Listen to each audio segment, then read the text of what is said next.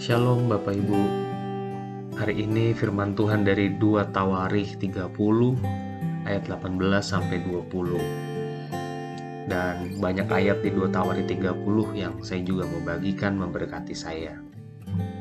2 Tawarikh 30 ayat 18 sampai 20 Sebab sebagian besar dari rakyat terutama dari Efraim, Manasye, Isakar, dan Zebulon tidak mentahirkan diri namun mereka memakan Paskah walaupun tidak sesuai dengan apa yang ada tertulis.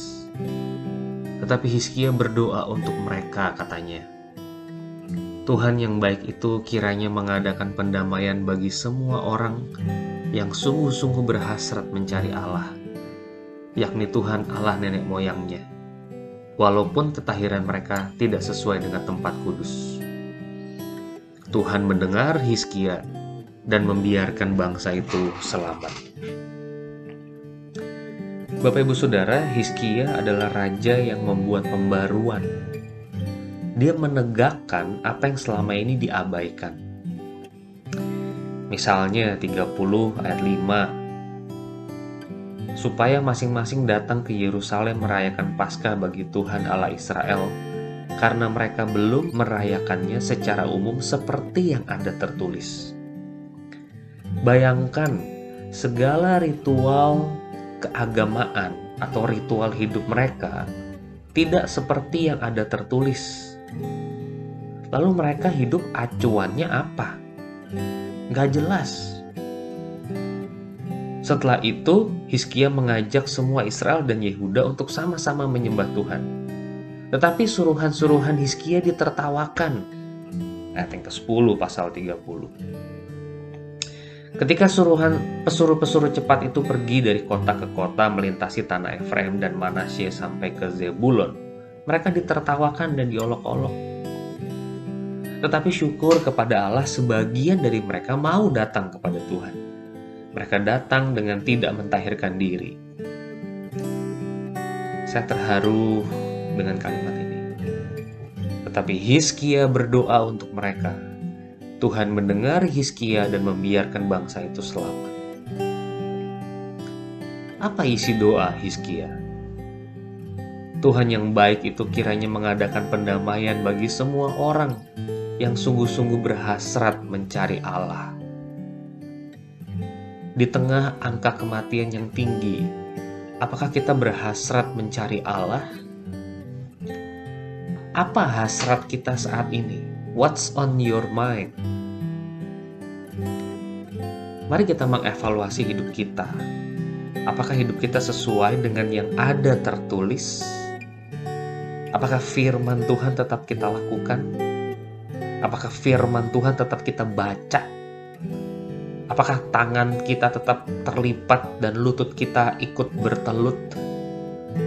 Pertanyaan puncaknya adalah Apakah kita berhasrat menjalani hidup sesuai dengan yang ada tertulis? Atau hidup ini hidup saya, suka-suka saya mau menjalani bagaimana, suka-suka saya baca Alkitab. Begitu? Akhir-akhir ini kita semua suka hidup sesuai dengan yang ada tertulis. Protokol kesehatan. Kalau saya habis kontak erat, saya harus isoman berapa hari, apa definisi kontak erat, jarak di bawah setengah meter, lebih dari 15 menit di ruang ber-AC tak berventilasi, protokol VDJ, ventilasi durasi jarak, dan seterusnya.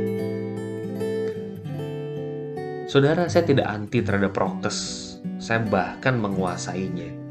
Tapi dalam saat teduh ini saya diingatkan pepatah kuno, jangan lupa merenungkan firman Tuhan siang dan malam. Mazmur 1 mencatat, Berbahagialah orang yang merenungkan firman itu siang dan malam.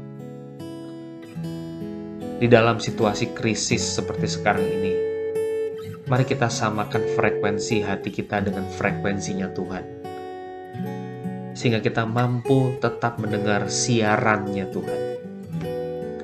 Orang yang mendengar suara Tuhan berdoa dengan lebih baik ketimbang mereka yang tidak mendengar suara Tuhan. Orang yang mendengar suara Tuhan masih bisa kena COVID-19, tapi mereka akan menjalani hidup dengan enteng karena mereka bisa terus berkomunikasi dengan Tuhan setiap saat. Saudara, apakah kita menjalani hidup dengan hasrat melakukan yang ada tertulis?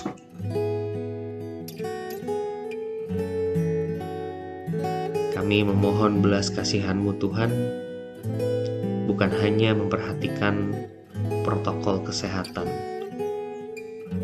tapi juga memperhatikan protokol kerohanian.